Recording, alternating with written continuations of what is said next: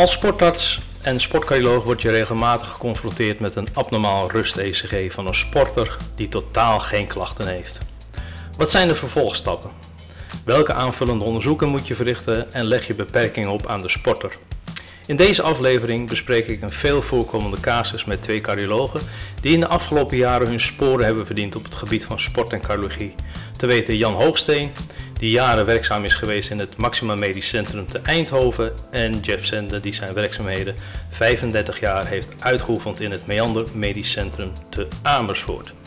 Dit is de tweede podcast van de werkgroep Cardiologie en Sport van de Nederlandse Vereniging voor Cardiologie. Mijn naam is Albert Willems en ik werk in het OVG te Amsterdam. Welkom Jan en Jeff. Dank je. Um, Dank je. thema van deze podcast is abnormaal rust-ECG bij een asymptomatische sporter. En ik wou met de eerste casus beginnen. Een 20-jarige atleet met een rechterbundelblok. Wat zouden jullie uh, daarbij doen? Vinden jullie dit een abnormaal ECG? Of zeg je van nou, dit is eigenlijk allemaal binnen de norm? Jan? Um, ja, goede vraag. Um, als we kijken bij de jeugdige sporters, zeg maar tot uh, 3, 24 jaar, zie je heel vaak een incompleet rechterbundeltakblok patroon uh, op het ECG. En bij sommigen verdwijnt dat ook weer gewoon. Maar als we praten over een echt rechterbundeltakblok, dan is dat natuurlijk in principe wel afwijkend. maar ik denk dat je daar in principe, als, het, als de sporter geen klachten heeft en het echo is normaal, dat ik vind wel dat je dan een echo moet doen, dat het verder uh, geen consequentie heeft.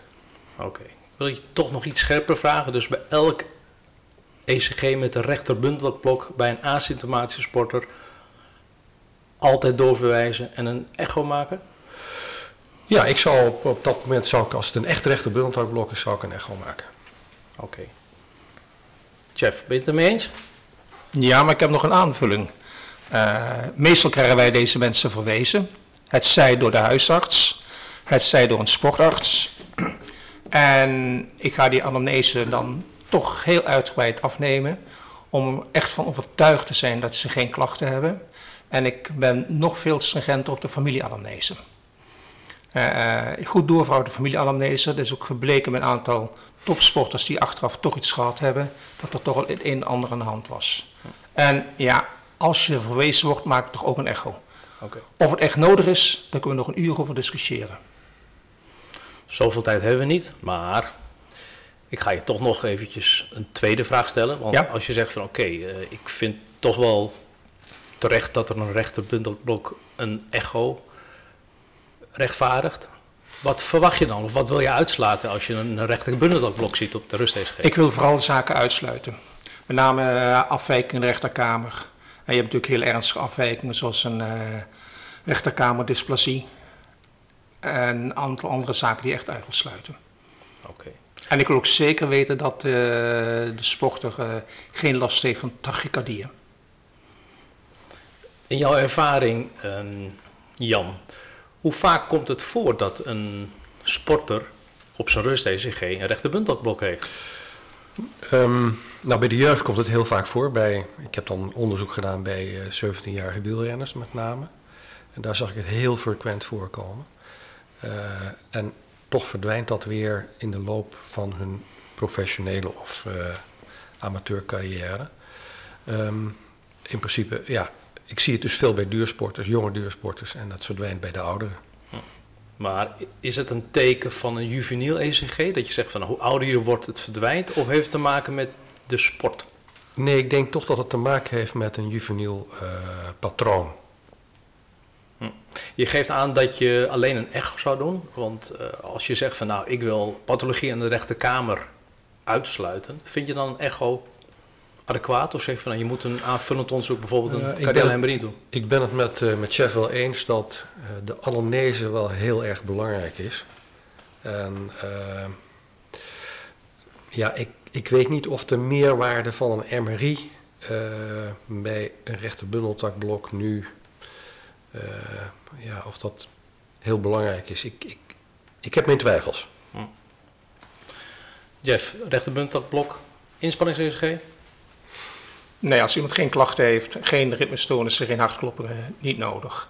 Wat betreft die MRI, dat is een, toch een hele goede opmerking van je. Uh, ik heb zelf be bemerkt dat ik in de praktijk bij twijfel over de rechterkamer op het echo toch een MRI maak. En dat komt ook vaak omdat het om topsporters gaat die min of meer de garantie willen hebben dat er niks aan de hand is. Oké. Okay. Uh, rechterbund dat blok. Jan steekt zijn vinger op, dus... Uh. Chef, um, ja, ik heb er toch wel een beetje moeite mee, want de interpretatie van een MRI van de rechterkamer is al ongelooflijk moeilijk. Hè? Het zijn dunne wanden. Uh, het enige wat je ja, wat beter kunt, misschien kunt beoordelen is de anatomie. Maar op weefselniveau wordt het al een hele challenge, denk ik.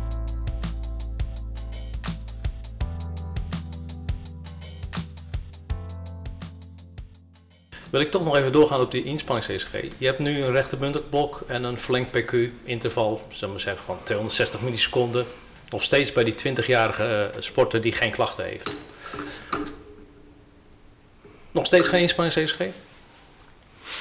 Je zou ook een paar kniebuigingen kunnen laten doen om te kijken of het eerste uh, HCV-blok verdwijnt. Maar je, mag altijd, je kan altijd nog wel een inspannings-ECG doen, dan zie je wat er gebeurt. Maar ik denk dat zeker bij duursporten daar weinig pathologie uh, te vinden is. Oké. Okay. Als je nog een stapje verder, je hebt ja. een verlengd PQ-interval, rechtermunterblok, linkerhand hemiblok. Oké. Okay. Dat is echt pathologisch. En dan ga ik wel een, uh, wil ik een, sowieso een Holter-ECG hebben. Ook een Holter-ECG tijdens inspanning en ook een inspannings-ECG. Ja. Jan, zou je het doen? Ik uh, ben het helemaal met chef eens. Kijk, als het zo sec bekijken en er is geen linker antichemieblok, dan is het meestal gewoon vagotonie. En uh, dat verdwijnt uh, bij de adrenerge prikkel. Dus als mensen zich inspannen, zie je dat gewoon weer normaliseren. Uh, in, als er dus nog een hemieblok bij komt, ja, dan is het toch wel een grote verdenking op pathologie. En dan moet je de onderzoek in ieder geval doen die chef net voorstelt. Nog steeds geen cardiale MRI dan? Nee, ik zou dat niet doen.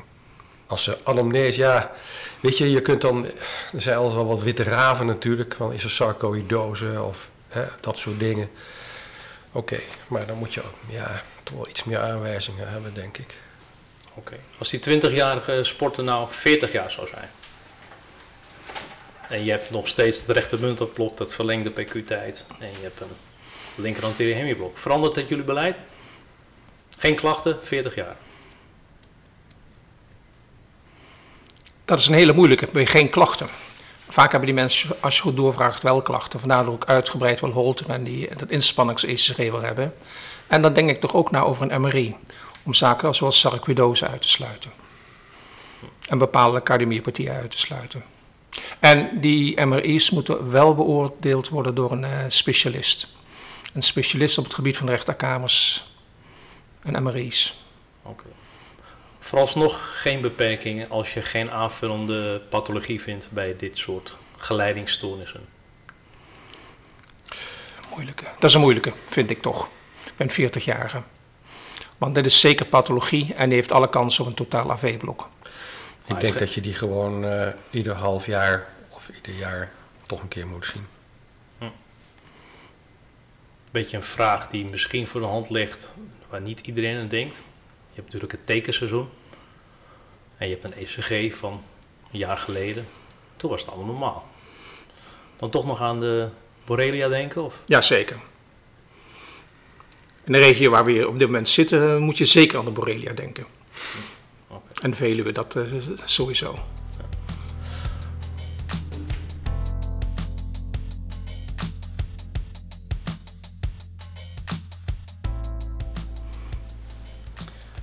Casus 2. Uh, een 18-jarige zwemmer met een linker bundeltakblok patroon.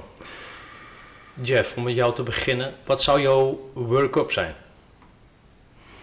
Is het een amateurzwemmer of een topzwemmer? Dat hoeft eigenlijk niet uit te maken, maar... Mm, laten we zeggen dat hij topzwemmer is. Ja, nou, het begint altijd natuurlijk uh, het gewone handwerk met anamnese. Goed lichamelijk onderzoek. En in dit geval ook een echo. Maar een linkerbundeltakblokpatroon is per definitie pathologie, zeker bij een jong iemand. Uh, de familieanamnese is weer heel erg belangrijk in deze, bij deze mensen. En daar moet je ook echt over doorzeuren. Mijn ervaring is bij eh, voetballers en ook bij wielrenners dat die altijd een negatieve familieanamnese hebben. Die zijn zo goed getraind dat ze niet willen toegeven dat er iets aan de hand is. Maar bij mensen die niet zo goed daarin getraind zijn, blijven over doorzien en kijken of je wat vindt. En uh, naast het maken van echo ga ik ook nog verder en ook nog een MRI maken.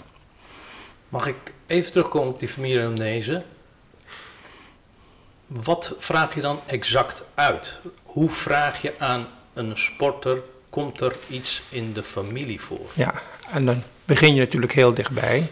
Bij de directe familie, broers, zusters, vader, moeder, zeg maar neven, achterneven. Maar wat vraag je dan exact? En ik vraag of mensen plotseling overleden zijn. Ja, het kan ook zijn dat ze plotseling overleden zijn bij een trauma of bij een auto-ongeluk. Maar je blijft doorvragen of er iets plotseling gebeurd is. Linkerpunt op blok, je zegt uh, ik zou een echo maken en dan altijd standaard MRI? Ja, in dit geval wel. Bij de RBTB niet, maar bij de LBTB wel.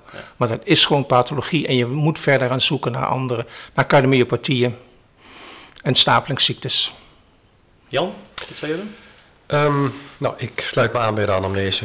Familieanamnese is ongelooflijk belangrijk. Je wilt natuurlijk gewoon sowieso een cardiomyopathie uitsluiten. want daar ben je natuurlijk bang voor.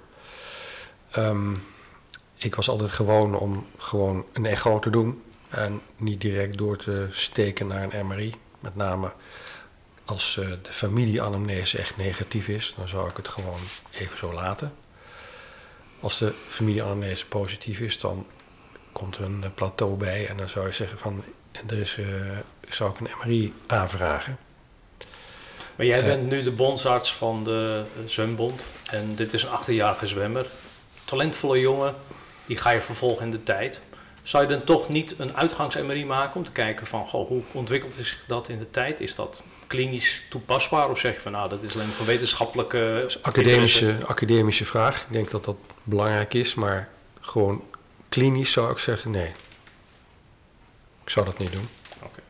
Nou heb je een injectiefractie uh, bij het linkerpuntopblok. Natuurlijk best lastig om bij een linkerpuntopblok goed je injectiefractie te bepalen. Maar stel je hebt een injectiefractie van 45% bij een 18-jarige top, topzwemmer. Ja, nou is natuurlijk uh, een, een injectiefractie 45% is natuurlijk best challenging bij een uh, linkerbundeltakblok. Uh, ik ben wel heel benieuwd wat het inspannings-ECG dan ook laat zien. Nou, dat zou ik wel doen. Niet zozeer om het ECG, maar wel om het verloop van de zuurstofpols te bekijken.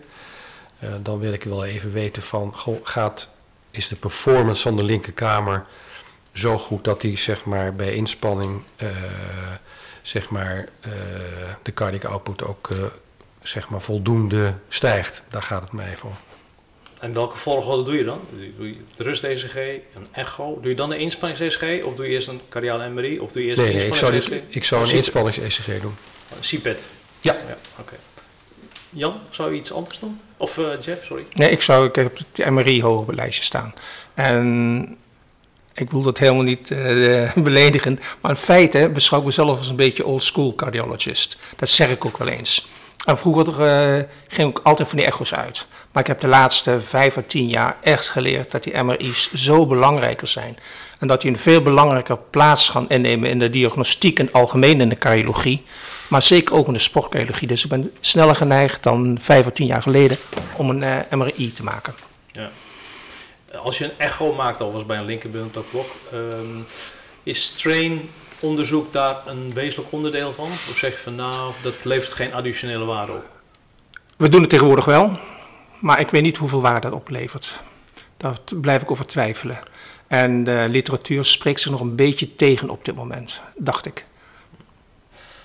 Als je kijkt naar linkerbundelblok, je doet een echo, je hebt een duidelijke apicale shuffle. En je ziet gewoon, ja, het is een abnormaal contractiepatroon van de linkventrikel. Dan is natuurlijk altijd de vraag van, wat doet het intensieve sporten op je linkventrikelfunctie? Heb je daar een bepaalde mening over? Zeggen van nou, het zou het gevolg kunnen zijn van het sporten of heeft, staat het er los van? Uh, kan je daarover uitweiden? Wat denk je, wat is je eigen mening erover? Mijn, ik, mijn guess is toch dat het uh, echt pathologie is en niet het gevolg van het sporten. Wat je vaak ziet, wat je bij sporten ziet, met name bij duursporten, is dat die rechterkamer uh, groter wordt. En ik verklaar dat zelf altijd op houtje-touwtje manier met van die duursporters, met name de wielrenners, die hebben langdurig een hele hoge cardiac output. Daar gaat het uh, hart zich aan aanpassen. En dat weet iedereen, de doorsnee van uh, de pulmonale klep, de tricuspidale klep, et cetera. In de linkerkamer zie je toch minder veranderingen. Behalve als je topwielrenners hebt, en lang niet iedereen, dat Jan zal dat ook weten, die krijgen op een gegeven moment een grotere cilinder. Maar je ziet niet dat die kamers echt veranderen qua contractiepatroon, maar gewoon een grotere cilinder, grotere inhoud. Overigens niet alle wielrenners krijgen dat. Het is altijd een vraag van mij geweest waarom dat, zo is. Ja, ik vergelijk het altijd meer een beetje. Je hebt de linkerkamer, dat is de biefstuk. En die rechterkamer is de snitsel die daar overheen ligt. En uh, het punt is natuurlijk, door beide kamers gaat bij inspanning tussen de 25 en de 35 liter per minuut al naar gelang de inspanning is en de duursport die je doet. Dan komt de wet van Laplace natuurlijk. Hoe dunner de wand, hoeveel meer spanning erop komt. Dus die linkerkamer is daar veel beter voor uitgerust dan de rechterkamer. En je ziet dus dat zo'n kamer gaat dilateren. En als antwoord op, op die vraag van, van chef, ja, ik denk toch dat bij bepaalde wielrenners, duursporters, die de, zeg maar de uh, intrinsieke uh, sterkte van het myocard onvoldoende is. En dat is een uiting daarvan is dat het toch gaat dilateren.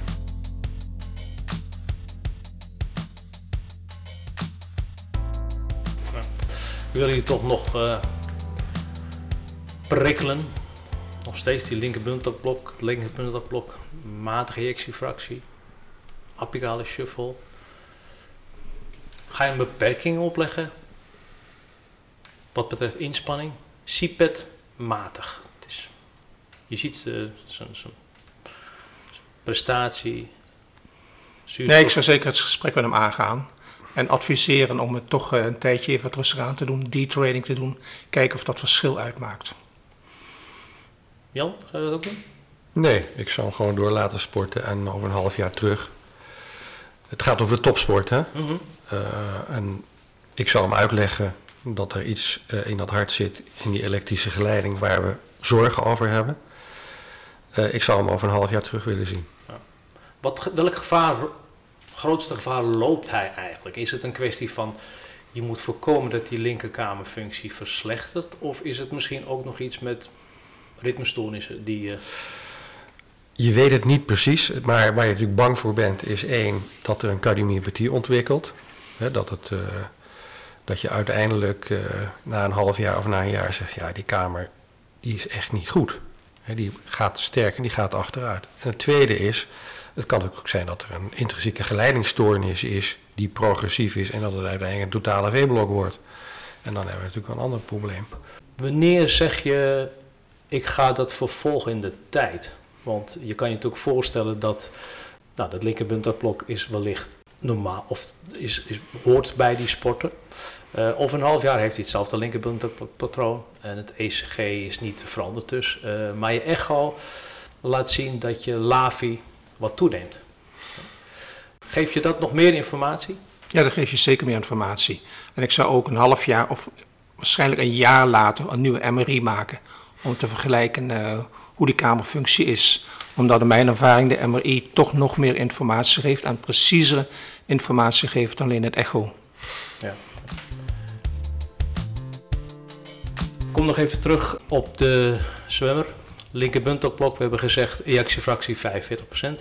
Doe je standaard, Jeff, uh, biomarkers prikken? Bijvoorbeeld uh, NT-pro-BNP? Dat doe ik niet standaard. Maar als ik zo'n casus heb als deze, die toch een beetje onbegrijpelijk is, wat is hier aan de hand, dan doe ik het wel. Dan heb ik een uitgebreide lijst aan uh, markers die ik wil prikken uh, uh, om te achterhalen wat de oorzaak is van deze verminderde ejectiefractie. Okay. Je, je wilt BNP weten, maar een andere bijvoorbeeld is Borrelia burgdorferi. Ja. Lyme.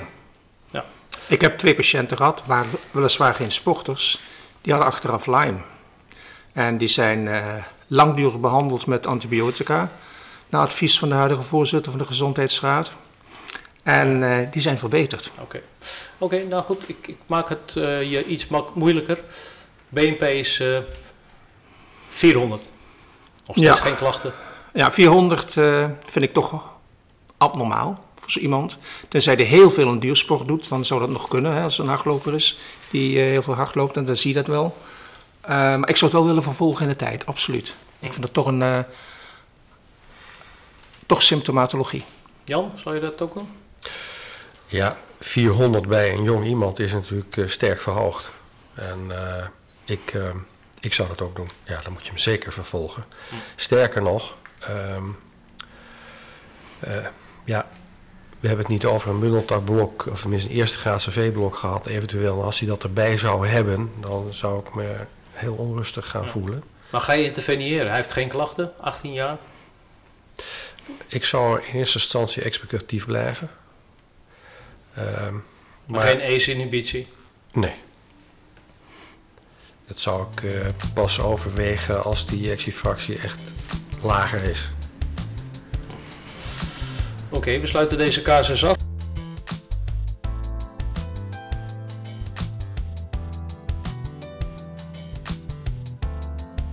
We gaan naar de volgende casus. Ik denk dat heel veel algemeen cardiologen en ook sportartsen uh, met deze vraag worden geconfronteerd. Dat is een uh, 50-jarige duuratleet met boezemfibrilleren. Jan, wat is jouw work-up bij deze sporter?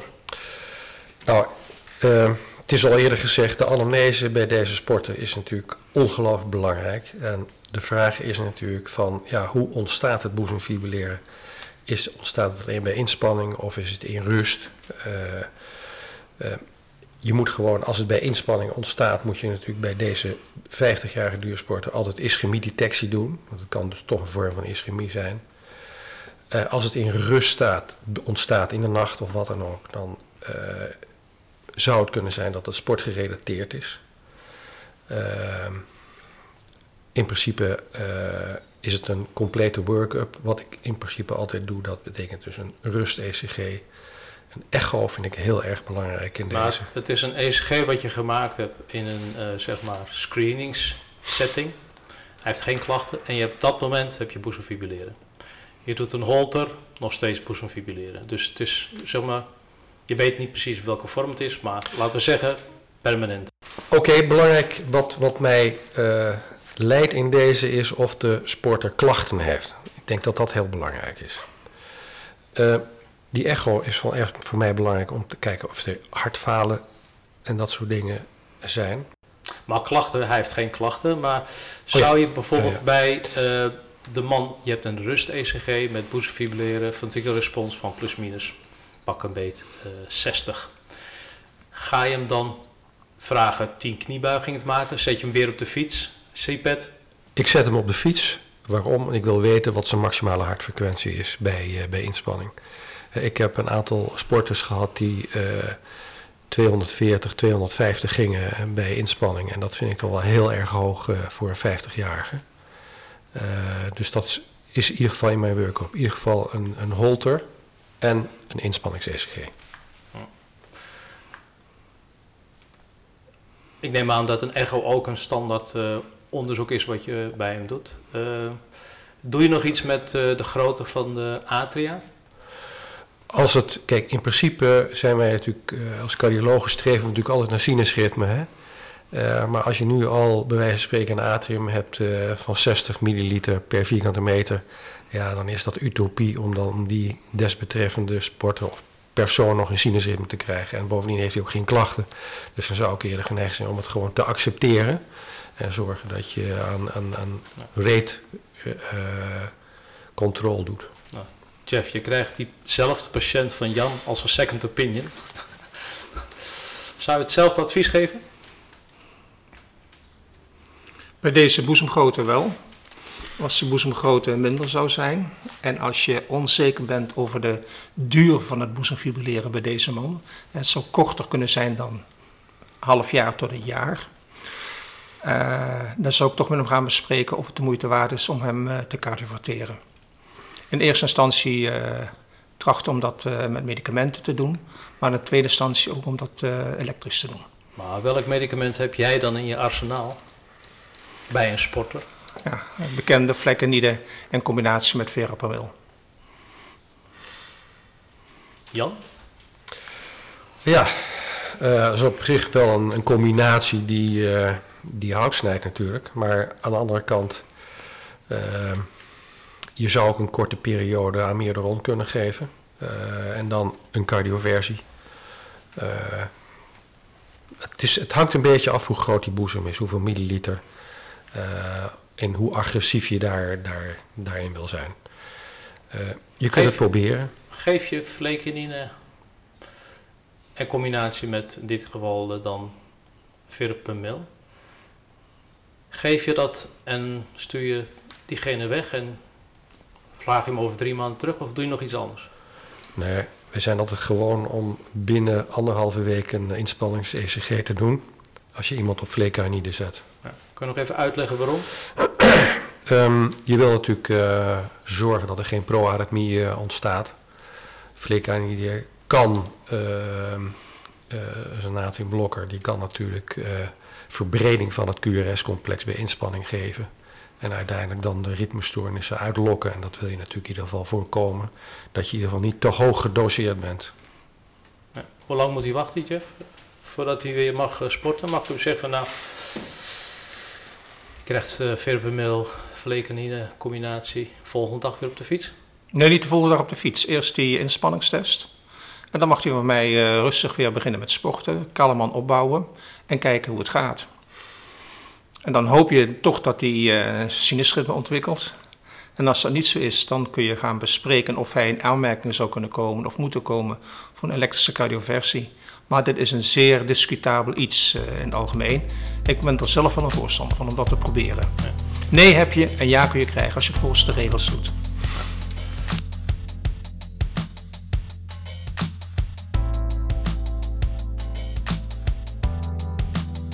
Jeff Jan die zei van in zijn workshop is uh, mogelijk toch ook ischemiedetectie een optie. Doe jij dat ook standaard? Absoluut, absoluut. Op die leeftijd. Want uh, vallen de nodige mensen door de boot als je goede ischemiedetectie uh, uitvoert. Maar hij heeft geen klachten? Ja, dan toch. Geen agineuze klachten in ieder geval? Ja. ja. Absoluut. Het hoort er absoluut bij. Nou is dit een hele assertieve sporter en die heeft op internet gelezen dat er ook niet-medicamenteuze behandelingen zijn. Zou voordragen voor uh, ablatie, uh, Jan? Nou, ik daar heb ik altijd eh, wat vraagtekens bij. Je zegt het is een sporter die geen symptomen heeft. En ik wil eigenlijk alleen maar mensen voor een ablatie in aanmerking laten komen die symptomen hebben. Want ook het doen van een ablatie heeft morbiditeit. En het zou toch wel heel treurig zijn als hij geen symptomen heeft en hij komt nou, met pathologie terug. En dat zou toch wel heel zuur zijn. Hm. Net zoals uh, de vorige casus um, wil ik even terugkomen op aanvullend onderzoek. Doe je bij deze sporter, uh, Jeff, een MRI? Nee, niet altijd. Dat wisselt. En nu vraag je natuurlijk waar dat van afhangt. Dat is toch moeilijk te zeggen. Hangt een beetje af van je gevoel met echo, wat je ziet. Als het alleen de linkerboezem is en verder de kamer die is normaal of min of meer normaal, dan zou ik het denk ik niet doen. Ik zou me bij een oudere sporter eerder richten op uh, coroneerlijden dan uh, een cardiomyopathie. Okay. Ook hier weer de vraag, uh, Jan, biomarkers? Nee, weet je, dat heeft voor mij niet, geen directe consequentie. Ik vind dat als je diagnostiek doet, moet dat consequentie hebben. Met andere woorden, je moet je therapie aanpassen enzovoort. En ik geloof niet als ik nu een NT-pro-BNP wat iets verhoogd is, dat dat nou mijn handelen zou ver, ja, veranderen. Oké, dankjewel.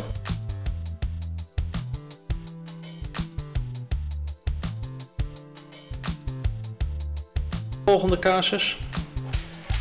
18-jarige uh, wielrenner met preexcitatie. En gezien het feit dat uh, Jan heel veel ervaring heeft met wielrenners, zal hij dit ooit in zijn lange carrière hebben meegemaakt. Wat ga jij doen bij een 18-jarige wielrenner met een preexcitatiebeeld op zo'n rust-ECG? We onderstrepen weer, de anamnese is ongelooflijk belangrijk. Zijn er klachten, ja of nee? Zijn er hartkloppingen, weggerakingen of andere, andere dingen? Belangrijk is natuurlijk dat je wilt weten ja, wat de elektrische eigenschappen van die extra verbinding zijn. En als je met een holter al hele wisselende uh, normale, geen pre-excitatie ziet, weer een normaal ritme. Als je de pre-excitatie ziet verdwijnen bij een inspanningstest, dan maak ik me eigenlijk niet zo heel eh, onrustig om deze jongen gewoon te laten sporten. Belangrijk is natuurlijk ook van waar zit die extra verbinding? Want dat heeft hij ook, als het een hele makkelijke plaats is, dan hoeft hij maar bij wijze van spreken even hard kloppen en dan laat je het gewoon ableren. Maar als hij natuurlijk net bij het septum zit, dan wordt het natuurlijk ook wel weer een ander verhaal. En dan is het niet, ja, niet uitgesloten dat hij met een totale V-blok van tafel komt. Dus dat zijn dan wel dingen die je dan in je zeg maar work-up meeneemt. Ja. Dus sowieso een inspanning is geen holter. Exact. Echo? Nee, dat zou ik niet 1, 2 doen. Jeff, geen echo? Ja, ook een echo. Ja, waarom? Toch om te kijken of je een andere congenitale afwijkingen vindt.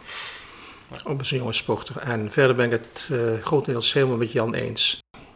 Jan die zei van nou ja, wisselende preexcitatie bij holter of inspanning, dat is een makkelijke casus. Hè? Dus dan ga je ervan uit dat het een relatief benigne glijdende bundel is. Maar dat gebeurt niet, uh, Jeff. Dus hij blijft, die preexcitatie blijft tot 200, blijft hij bestaan. Holter, ja. preexcitatie. Dan zou ik toch overleggen met de elektrofysioloog om te ableren. Jan, kom even terug bij jou. Die 18-jarige wielrenner, die is heel erg talentvol. Jumbo-Visma is hij. Hij mag meedoen met de Tour. Warme omgevingstemperaturen, hoogte. Jij hebt hem ingespannen. Nog steeds dezelfde work-up? Ja, het maakt mij verder niet uit of die nou professional is, amateur of, uh, of liefhebber. Uh, als die uh, voldoet aan de criteria dat het een benigne extra verbinding is, iemand die zonder klachten is, geen enkele restrictie voor, voor sport. Maar vind je dat jouw inspanningstest bij jou op de inspanningskamer in Brabant te vergelijken is met een inspanningstest op de Mont Ventoux bij 35 graden, iets te weinig gedronken? Ja, uh, dat zijn natuurlijk wel extreme omstandigheden, maar uh, het substraat blijft in principe hetzelfde. Kijk, we weten dat, ik weet niet precies het, hele, het, goede percentage, maar ik dacht dat iets van tussen de 5 en de 10 procent van de mensen met een preexcitatie toch boezemfibrilleren krijgen. Misschien krijgt hij dan vanwege de ondervulling hoge temperatuur dat hij iets meer kans op boezemfibrilleren krijgt. Ja, dat zullen we dan wel zien. Ik zie dat uh, niet als een, uh, als een vehikel om die man af te keuren. Ja, want dat is natuurlijk een hele vervelende combinatie, boezemfibrilleren en preexcitatie. Zeker op oude leeftijd. Exact. Dus Jeff, jij wilde nog Jan, ik wil je vragen. heb, heb je ooit overwogen om bij dit soort casuïstiek, hè, bij dit soort topwielrenners, om een keer een holter ECR te maken bij extreem zware training? Kijk, de Mont Ventoux dat zal niet lukken, maar je kan wel vragen om dat te doen bij extreem zware training. En tegenwoordig hebben we nog andere apparatuur om dat ook te kunnen controleren als ze op trainingstage zijn. Ja, tegenwoordig hebben we natuurlijk, uh, is de, de apparatuur veel, uh, veel mooier, veel kleiner. Uh, vroeger had je natuurlijk zo'n holter met, met allerlei plakkers en dat was gewoon heel erg lastig. En nu heb je truitjes, je hebt hele simpele zeg maar, apparaatjes om de hart frequentie en dat soort dingen te meten. Dus dat is tegenwoordig veel makkelijker dan dat het uh, 10, 15 jaar geleden was. 2020 zijn de ja, richtlijnen uitgekomen. Ze noemen het echt ook Europese richtlijnen. En uh, deze casus wordt eigenlijk wel bij met name genoemd. Hè. Het is een klasse 2A-indicatie om bij een topsporter met preexcitatie aanvullend elektrofysiologisch onderzoek te doen. Dus uh, het, momenteel is het de suggestie uh, ja, dat je het moet overwegen om invasief aanvullend onderzoek te doen. Ondanks dat ze geen klachten hebben, inspannings-ECG ja, en Holter, dat garandeert niet dat je, we zeggen, een belichte bundel hebt. Ik stel nog even een vraag ook aan jou. de pronostieltest. Ja, dat is, het, is een, het is niet opgenomen, maar uh, ik ga er nog wel van uit als je preexcitatie verdwijnt bij het toedienen van uh, prokinimine, dat dat niet 100%, maar in ieder geval pleit voor een benigne glijdende bundel. Ben ik met je eens. Ja, dus dat zou je ook nog kunnen overwegen. Ja, ja een, een EVO vind ik, vind ik nogal, ja, het is toch een invasief onderzoek, hè? Zeker. En uh, het duurt toch, het is niet zo van, het is in vijf minuten gebeurd. Nee, eens. Eens op zich denk ik, uh, deze casus uh, is vrij recht toe recht aan, toch? Uh, Dus eigenlijk is de boodschap uh, aanvullend onderzoek doen, kijken naar de elektrische eigenschappen van de, van de bundel. En je kan overwegen om aanvullend onderzoek te doen en uh, aanvullend ablatie. Afhankelijk ook van de lokalisatie en het risico op, op, op, op ja, beschadiging van je normale AV-geleiding. En bij twijfel altijd een elektrofysiologisch onderzoek doen. Ja, akkoord.